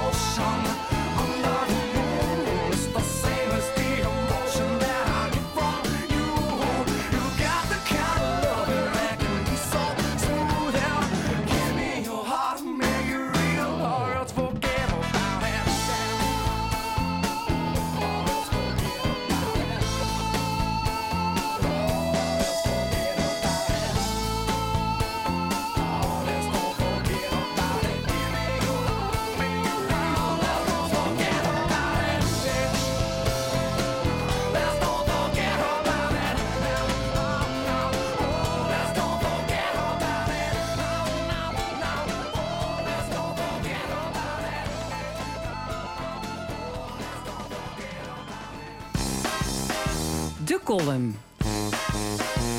Vandaag met Jos van Wersch. Limburg telt ruim 1 miljoen inwoners. De vraag is hoeveel er daar nog met kerstmis van over zijn. Het gaat immers nergens zo voorspoedig met het aantal doden als in onze provincie. We zijn zelfs uitgeroepen tot de corona-hotspot van West-Europa. De onzichtbare molenaar vertrok destijds in Wuhan en via Bergamo in Brazilië landde hij met volle kracht in Limburg, waar ook anders. Het gekke is, we staan erbij en kijken ernaar. David Jonge is een roepende in de woestijn. De baas van het Zuiderland smeekt wekelijks om een harde lockdown, omdat niet alleen zijn bedden vol liggen, maar ook zijn crematoria in Heerlen en Geleen. De kriedekeur van Jonge maar ook van burgemeester Pen van Maastricht, om de tent drie weken lang rukzichtloos dicht te gooien, werd vrijdag door het duo Rutte de Jonge met een opgestoken middelvinger beantwoord. Hugo de Jonge, wat ben ik die man moe, beloofde ons het rijk van de vrijheid mits gevaccineerd. Ook zijn corona-app en zijn coronapas stochten ter aarde voordat ze goed en wel waren opgestegen. Inmiddels knutselt de jongen aan 1G, 2G, 2G plus en 3G. Dus ook dat komt wel weer goed. Op Black Friday plunderden dit keer iets minder leeghoofden volle winkels en in kerkrade bekogelde voetbalterroristen het stadion van Rode JC met vuurwerkbommen. Gisteren zei Rutte tijdens het VVD-partijcongres dat hij niet van plan is om harder op te treden tegen vaccinweigeraars. Want ja, dat zou wel eens averechts kunnen werken. Hoe lang moeten we accepteren dat we worden gegijzeld door asociale medemensen die zich, om wat voor smoes dan ook, niet laten prikken? Hoe kan het dat een van de rijkste landen ter wereld compleet op tilt slaat als welgeteld 530 coronabedden op de IC bezet zijn, terwijl we 100, ik herhaal 100 ziekenhuislocaties hebben met 200.000, sorry, nog meer, 270.000 personeelsleden, meer dan ooit. Terwijl Rutte de hongerige wolven vrijdagavond nieuwe goudomrande steunpakketten toezegde, kregen we er onder het motto hoe meer zielen, hoe meer vreugd een nieuw vriendje uit Zuid-Afrika bij, ene Omicron. Mocht u toch de kerst halen, dan wens ik alvast fijne feestdagen. En inmiddels is ons eh, panel aangeschoven hier eh, aan tafel uh, Ingeborg Derkstra, pedagoog, Wim Haan, Headhunter en Joost Reinaerts, uh, PvdA-actieveling, zou ik maar zeggen. Ja. Hartelijk welkom. Dankjewel. Dankjewel. Ja, we zitten in een avond lockdown. Althans, officieel gaat die geloof ik vanavond in. Hè? We hebben hem nog niet uh, mogen beleven. Vijf uur. Ja, zeker. Na vijf uur is er niks meer te beleven. Ik geloof je kan alleen nog maar naar de supermarkt of de apotheek als er echt iets aan de hand is. Het onderwijs, dat wordt ontzien, zoals, uh, ja, zoals jullie hebben kunnen horen. Toch zijn daar heel veel besmettingen. Juist op die scholen worden heel veel uh, kinderen, maar natuurlijk ook leraren besmet. Ingeborg Dijkstra, jij bent pedagoog. Uh, wat dacht jij toen jij dit hoorde? Um, nou ja, een makkelijke oplossing is er niet. Dus we wisten dat, uh, dat de scholen waarschijnlijk zo lang mogelijk ontzien zouden worden. En er zitten ook, zoals met alles, uh, meerdere kanten aan het verhaal. Op maandag werk ik op een basisschool. Inmiddels uh, is de helft van het personeel thuis. Of omdat ze besmet zijn, of omdat ze kinderen bijvoorbeeld hebben. Want soms vergeten mensen ook dat ook juf en meesters hebben kinderen. En die kunnen bijvoorbeeld, doordat ze kinderen op een andere school hebben, thuis zitten. Dus um, je snapt ik, ik, sta achter het open blijven van de scholen, maar het is wel de andere kant van het verhaal, is dat het voor directie en schoolbesturen wel heel ingewikkeld is uh, om, om door te blijven gaan. En we weten allemaal dat de werkdruk, nou die was wel groot. We weten ook dat het lerarentekort niet sinds corona is, maar ook al van alle tijden. Dus uh, dat is wel de andere kant van het verhaal. Dus ik ben wel blij dat ze open blijven, maar ik denk wel dat een school um, of een bestuur moet kijken van hoe lang kan het en uh, keep anders die leerkrachten niet om, gewoon vanwege andere klachten. Ja. Ingeborg, leg maar eens uit waarom zouden ze open moeten blijven? Want er is natuurlijk, eh, ik, ik heb daar wel een mening over, die krijg je dadelijk te horen. Maar waarom, waarom, waarom ben je zo blij? Nou, blij is misschien. Uh, het is een soort van afwegen tussen twee kwaden. Echt een goede oplossing is er al niet meer. Maar ik heb wel gezien dat het voor kinderen, ouders en de samenleving als geheel net zeg maar, laten we zeggen, het is 49, eh, 51. Dus dan is het 51 procent, zou ik zeg maar, ben ik daar blij en dankbaar om. Maar het kan zo kantelen, dat zit probeer ik te zeggen, dat op het moment dat bijvoorbeeld dan het niet meer haalbaar wordt en, um, en elke keer bijvoorbeeld uh, stukken van klassen naar huis moeten, omdat ze terecht thuis moeten blijven met snottenbellen of als ze natuurlijk positief getest zijn. Maar voor de samenleving, voor de ouders, voor de kinderen, is de school de beste plek. Ja, Wim, ik hoor bij jou wel wat twijfel toeslaan. Nou, nou de, de, twijfel zit erin natuurlijk dat, dat uh, gezien wordt één, hè, van het is een belangrijke bron van een aantal besmettingen. Kinderen uh, zijn niet gevaccineerd onder een bepaalde leeftijd, hebben veel besmettingen uh, enzovoorts, verzorgen dat. En van de andere kant ben ik me ook wel gaan, gaan verdiepen en gaan afvragen, maar wacht eens even, kinderen zijn wel heel erg afhankelijk van hun omgeving, van ouders en van, van scholen. En scholen hebben meer dan een, een parkeerplekfunctie ja, te doen. En dat is de afgelopen afgelopen periode duidelijk geworden. Misschien hadden die scholen wel moeten aangeven hoe desastreus een lockdown, een harde lockdown is geweest in de afgelopen tijd voor de ontwikkeling van kinderen. Is, dat, is dat zo? Is dat zo? Is het zo uh, ja, af, ja, volgens mij desastreus? afgelopen week in NRC een groot stuk ook dat er onderzoek gedaan is naar wat kinderen teweeg brengen. Um, de lange termijn hoopt dat mee, maar men zegt wel, men constateert wel duidelijk dat er ook gedragsveranderingen bij kinderen plaatsvinden. Sterker nog, vierjarigen blijken woorden als quarantaine goed te kunnen uitspreken, wat ze normaal gesproken niet kunnen. Uh, zijn er heel bewust met. Op zich toch heel goed als je moeilijke woorden ook. Uh, ja, dat zou wel goed kunnen zijn, maar goed, je zou kinder, kinder gun je ook, zeker als ze vier jaar zijn, een onbezorgde jeugd. En um, als ik even maar aanhaken, als ik bij mij voor de deur sta, dan kijk ik schuin tegen jaren 50 flat aan. Uh, klimaat waarschijnlijk min G, zeg maar, hartstikke slecht. Daar uh, hangen kranten als vitrage aan de muur. Uh, en dat kind wat daar woont, waar de armoede van afstraalt, daar gun ik dus gewoon dat dat kind naar school kan. Uh, dus, dus, ik ben daar wel voor. Anderzijds, um, ik ben voor origine ook leerkracht. Um, ik weet ook hoe hoog die druk is. Um, het is daar misschien bijna net zo urgent als in ziekenhuizen. De, nou, niet bijna, net zo erg. Nou, dus oké, okay, ja. net zo erg is. En we vragen van de leerkracht wederom weer om het standje bij te zetten. Het is uh, ook nu op dit moment, denk ik, onderwijs op men pap en nat houden. Vanwege oh, de omstandigheden. Ja hoor, daar ben ik met je eens. Ik uh, denk dat voorwaardig goed onderwijs geven op dit moment bijna niet mogelijk is. Uh, leraren zijn ziek, dan zijn klassen naar huis, dan zijn kinderen weer ziek. Dus het niveau van onderwijs daalt door de omstandigheden. Dat heeft niks ja. te maken met de leraar. Dus daarom zou ik zeggen, misschien moeten we wel overwegen om die scholen nu dicht te maken. En ik dacht zelf nog vanmorgen, maar dat is een ingeving. Waarom maak je scholen niet nu dicht en zeg je later eind van het schooljaar, we werken langer door. Dan is het zomer, dan is het weer beter. Misschien kunnen we dan nog twee weken dan inhalen. Dat is een suggestie. Um, ik kan niet over beleid. Dat was alleen een ingeving niet. Ja, ik, ik snap het, want het is papa. Ja, en dat, ik begrijp ook natuurlijk vanuit onderwijsperspectief zeg je van die scholen moeten open blijven. En ook vanuit sociaal nou, van perspectief. Het, het ontwikkelperspectief Ontwikkel, van de kinderen en de veiligheid van de kinderen, maar ook van, van gezinnen. De onderzoeken laten zien, sorry dat ik in de reden val. Ja, um, maar dat um, ook de, de spanning, nou, het is geen verrassing, in de samenleving nemen de spanningen toe. Dus zeker ook achter gesloten deuren. En de, de alarmbellen gaan nu langzaam rinkelen. Daar is natuurlijk ook eerder over gesproken, ook hier bij L1. Van dat eh, thuis gebeuren er dingen en die zijn gewoon onveilig. En dat zie je langzaam toenemen. Met name omdat ook veel signaalmensen, bijvoorbeeld voetbaltrainers, zwemtrainers, kinderen minder zien. Dus uh, dat is ook echt een risico. Dus achterstanden, ja, onderzoek laat het ook zien. Het is wel zo dat bij de gemiddelde kind, voor zover dit, dat kind bestaat, valt dat wel mee. Het zijn juist die kansarme kinderen die bijvoorbeeld laaggeletterd zijn um, of in, in andere uh, ja, kan, wat kansarmere situaties zitten. Die achterstand wordt groter en groter. Maar mij gaat het om het totaalpakket. Ja, ja, Maar, maar ik begrijp ook wel uh, wat ik Joost hier hoor zeggen. Het is natuurlijk ook pappen en nat houden. Zeker. Moet je misschien toch niet rigoureus zijn en zeggen van Natuurlijk, onderwijs is belangrijk, de sociale omstandigheden zijn belangrijk, maar die leraren die kiepen om, die worden ook ziek. Het is al niet meer vol te houden. Moet je misschien inderdaad daarom niet zeggen, dan maar even een paar weken niet en dan pakken we het weer met. Nou, er zijn in de regio ook scholen die dat doen, hè? Ja, ja.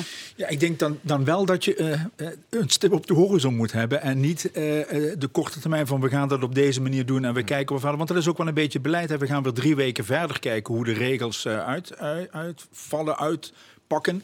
Uh, nee, wel een stip op de horizon. En de stip op de horizon heeft heel veel te maken met al dat soort dienstverleners waar wij een beetje de neus voor hebben opgehaald de afgelopen jaren. Ja. Uh, voor onderwijskrachten, voor verpleging, voor de BOA's, voor politie. Dat waren niet de meest sexy en uh, belangrijke banen.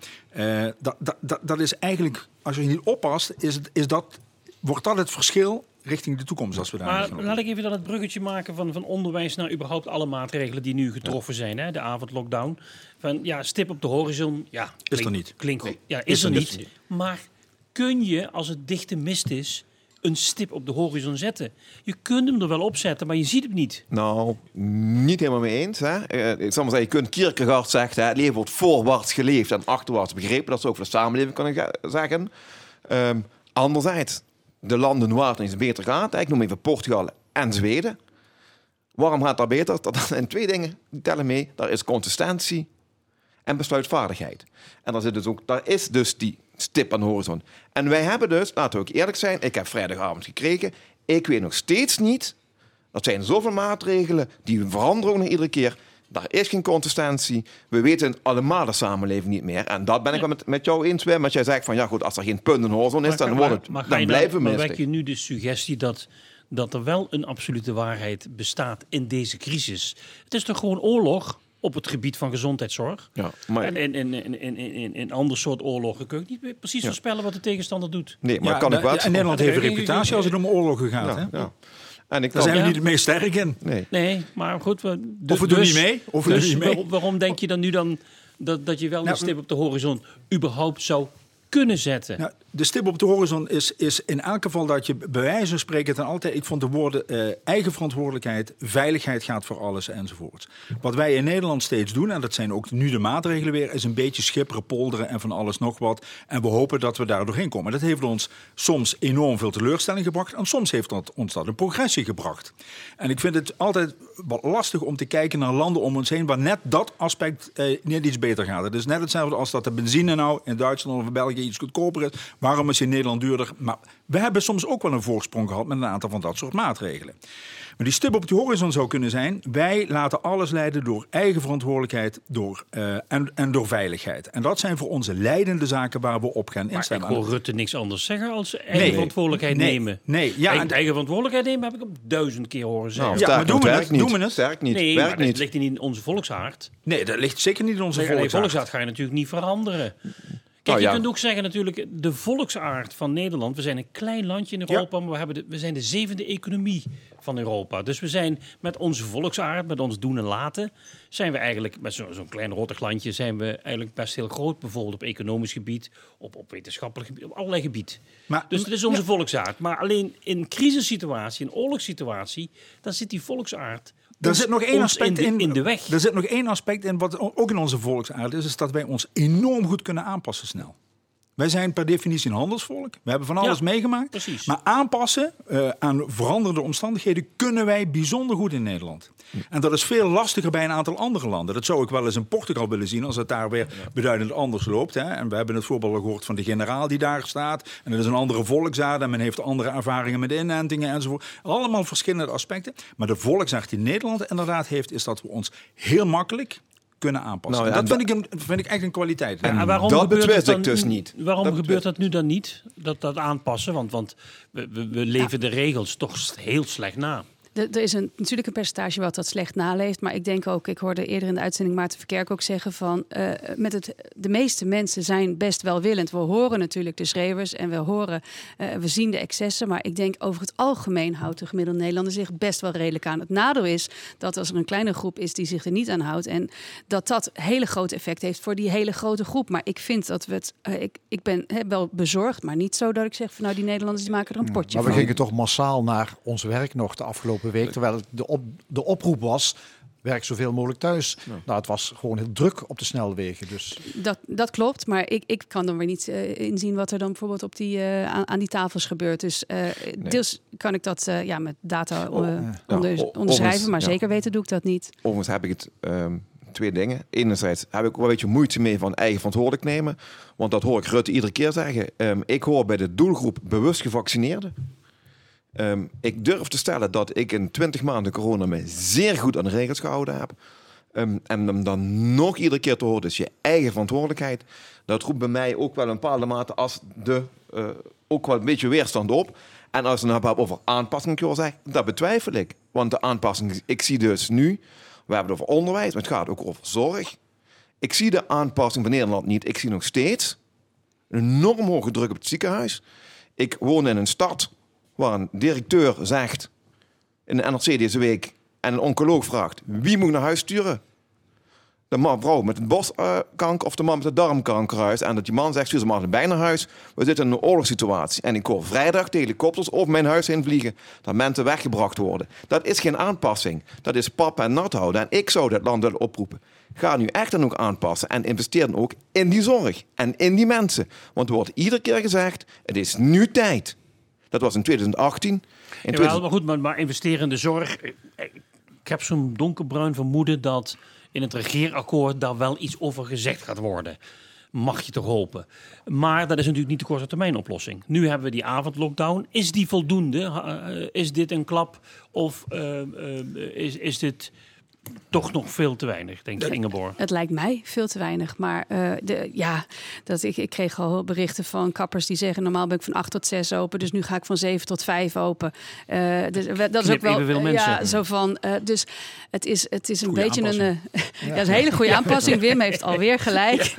Maar we kunnen hem lachen. Maar dat is natuurlijk precies ook... Daar zijn Nederlanders ook wel ja, handig in. Om dan net zo van... Oh, toch maar even kijken waar we dan net dat gat in dat net weer op kunnen zoeken. En het is niet om te lachen, maar dat is creatief. Maar dat ik denk van ja, nee, ik denk niet dat dit genoeg is. Nee. Ik ben ook niet tegen eh, scholensluiting, maar kijk dan even van eh, ja, of dat per bestuur of per, per locatie. Nee, eh, dat- ik- en, en, ik, en ik snap ook wel. worden. Ja, en ik snap ook wel, eh, want ik vind ook niet, eh, ik denk, het kan veel verder, moet denk ik misschien zelfs veel verder. Maar het zijn oneindig veel knoppen waar je aan moet draaien. Ik, zou, ik, ik ben geen fan van Rutte, ik ben ook zeker geen fan van Hugo de Jonge, zijn ook mijn partijgenoten niet. Ehm, maar ik zou ook niet met willen ruilen in de complexiteit. En ik zie ook twee mannen staan die vrijdag wel deemoedig de persconferentie ingingen.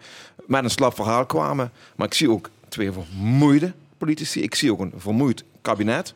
Ik denk dat het kabinet er bijna op door zijn hoeven heen hakt. Dat is ook niet goed, hè? want je had over de oorlog. Maar de oorlogen worden ook gewonnen door een goed bevelvoerder die een plan heeft. En als wij dus onze bevelvoerder, onze premier, moe is en zwak is, dan komen we als land ook niet verder.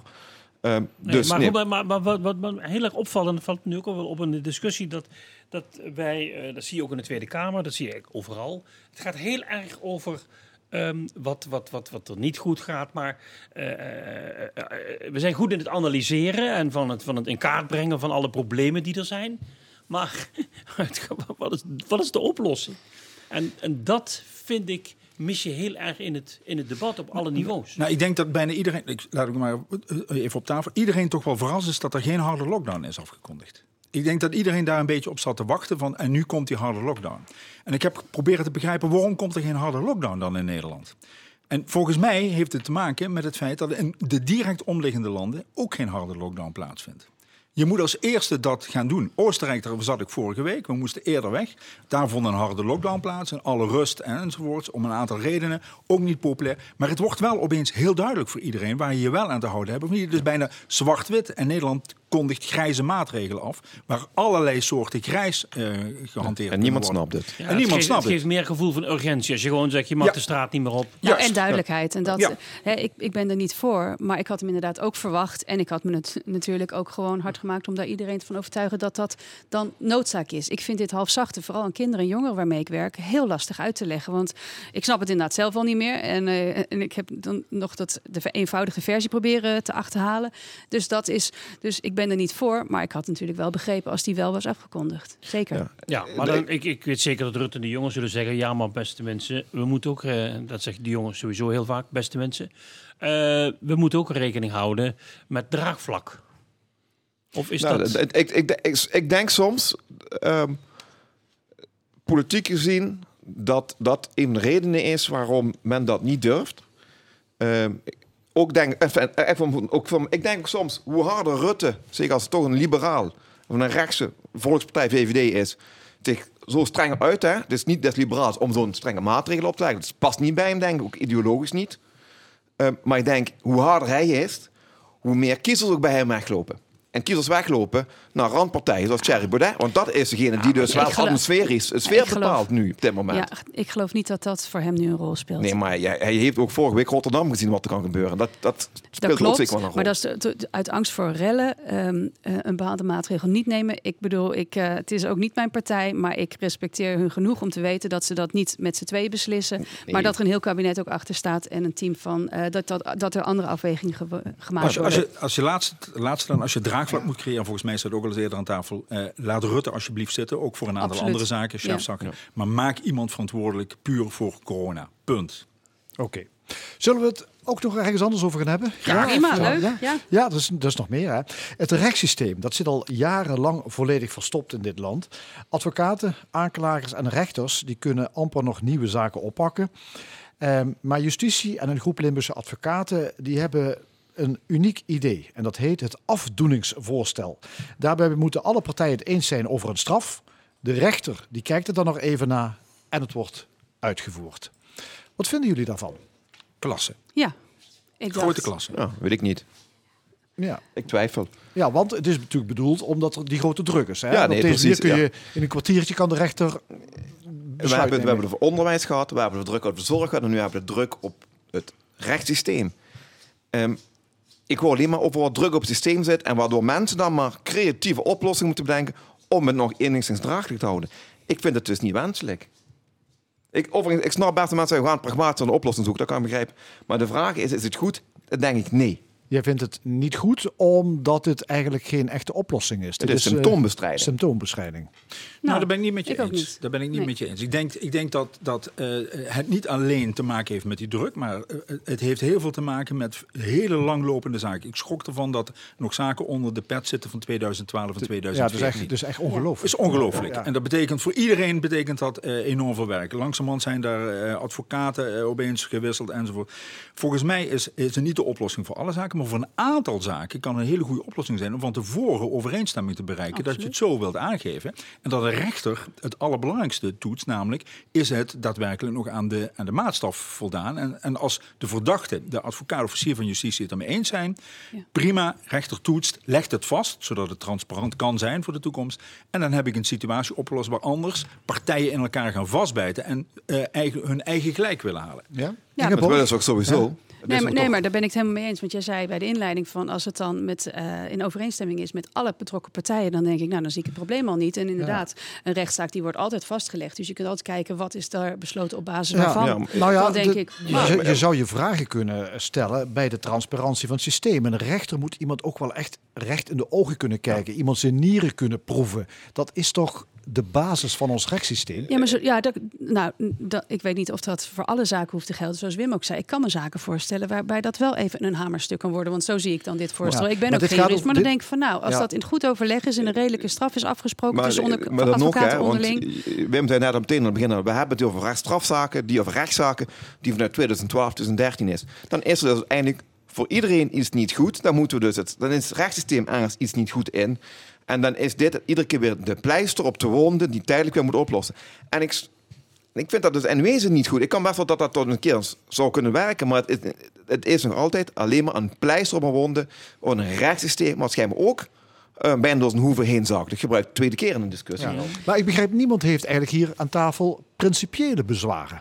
Dat, Nee, dat nee. er geen rechtszitting is waar... eh, Want het is eigenlijk de bedoeling dat een rechtszaak natuurlijk openbaar is. Ja, maar eh, nee. Nee. Ja, maar, maar- dus als je veel geld hebt, kun je een goede advocaat inhuren. Dat is altijd En die- zo. Ja. En, ja, maar die goede advocaat die kan nu één op één onderhandelen Ja. met eh, de officier van justitie. En daar iets uithalen. Terwijl normaal heb je een goede advocaat, maar dan zit er een rechter en die luistert mee naar de verhalen. Nou, en, en dat is een van de dingen waar ik wel ook mee zit. Dat hebben we niet ingebracht. Je had vroeger ook nog, zal maar zeggen, ook voor de mensen in samenleving die minder goede beurs hebben. Dat je vroeger Prodeo-advocatuur. Die hebben we ook uitgehold. De vraag is, hebben die mensen straks ook toegang tot dit soort regelingen? Of zitten die straks jarenlang te wachten? Of worden dus eh, misschien een minder goed, of hebben geen advocaat dan als het nog veroordeeld? Ik heb dus nou ook met de transparantie een moeite daarvan, zeg maar. En dat werd, is ook trouwens door rechtsgeleerden ook als kritiek op geuit. Is dit wel transparant? Ja. En dan komt precies Maar duur- we moeten, moet ook eerlijk zijn. ik weet niet of jullie wel eens in de rechtszaal komen, maar Ja. als je daar komt, dan zit nooit een kip. Dus, dus dat we zeggen, de, de, het is niet zo dat, daar dat het openbare rechtspraak is. Het is natuurlijk wel mogelijk, het principe is er. Maar om nou te zeggen van dat daarmee, eh, je, je, eh, zeggen, met stukken lezen achteraf, is misschien meer transparantie te bereiken dan eh, de deur openzetten. Nou ja, d- d- er kan een verslaggever van L1 zitten. Want Het gaat bijvoorbeeld ook om zware criminaliteit. Dus Ja, het ligt een beetje Ja, waar maar leg je de de- grens natuurlijk. Ik, heb, ik heb ook niet, eh, ik heb er niet genoeg eh, kennis van, maar ik kan me voorstellen voor bepaalde zaken dat ook helemaal niet gaat gelden. Dus ik denk ook, maar de, ik kan me ook voorstellen dat dat er zaken zijn die best gewoon af, Nee, zo nee. afgedaan. En dat je daar, en ik erken natuurlijk ook werkdruk, dat is misschien weer een pleister, maar dat ik denk van nou laten we gewoon kijken op de zaken waar het wel kan. Nee, ja. ik, ik had trouwens wel moeite met op een gegeven moment in een artikel van de Dat ging over de Parkstadbende. Ja. Dat denk ik, dat, dat zijn wel, dat is dat niet het niveau. Eh, ja. Ik heb een, eh, een keer een dug in de auto geschopt per ongeluk en ik moet voor de rechter komen daarvoor. Dat- Dat lijkt me typisch een zaak waarbij dat niet Ja, zou gelden. precies. En zo, maar er zijn toch ook gewoon hele straightforward zaken. En denk ik van Ja. nou, en laat dan die Een dossiers mooie maar even- bijkomstigheid. Dan kan dat een aantal van de belanghebbenden met elkaar aan het kijken zijn hoe ze niet tegen elkaar, maar met elkaar Ja. in alle verantwoordelijkheidsstukken kunnen oplossen. Mm. Of doorbraak kunnen forceren die veel te lang blijven liggen. Zeg, we hebben nog even en dan moet ik kiezen tussen een onderwerp over wiet in Duitsland, die, eh, eh, dat de coffeeshops daar gelegaliseerd worden, of eh, eh, is het een goed idee om carnaval te verplaatsen? Maak je keuze. ik dacht dat jullie wel een grote voorkeur zouden hebben. carnaval natuurlijk. eh, de, de, de, Laten we- laten we eens carnaval de- pakken. Ja, carnaval. Ja, Ja, we ja, carnaval Wat, wat moeten we er in Düsseldorf op al uitgesteld naar mei? Eh, wat moeten we doen? Moet, moeten we nu het lef hebben, zeggen van beste wagenbouwers, ja, blijf maar lekker thuis. Niet met mensen in een hal eh, wagens gaan bouwen. Want we besluiten nu al, we gaan het We, niet doen. we hebben natuurlijk mensen. toch al een aantal voorbeelden in het verleden gehad dat de optocht vooral is doorgeschoven naar een voorjaar of wat dan ook. Dat kwam of door sneeuwval of door een oorlog ergens anders. Waarbij eh zeiden het is niet gepast om een optocht te vieren en waar eh, stiekem toch wel kleine carnaval plaatsvond. Carnaval doorleiden naar een zomerperiode lijkt me niet geschikt. Een optocht ergens in een zomerperiode neerzetten lijkt me uitermate geschikt. Ja, Half dan wordt het een soort evenement. Of half vaste. Gezellig evenement, ja. ja. Ja. Maar, maar carnaval, de gewone ouderwetse carnaval, die gaan we dit jaar of eh, komend jaar ook niet beleven. Wat is jullie inschatting? Ik denk, ik denk niet eh, zoals vroeger. Nee, dat denk ik niet. Nee, dus het wordt net als dit jaar heel armzalig tijdens die dagen. Ja. Nou, dat, dat Nou, ja. vind ik wel een lastige Ja. Het hoeft niet armzalig te zijn, want ik denk dat juist carnaval ook weer iets van veerkracht aangeeft op hele kleine manieren. Ja, ik, ik heb een hele kleine optocht gezien in een dorp die, die langstrok. Daar heb ik heel veel waardering voor op die manier. Dat, dat tenminste dat nog levend gehouden wordt.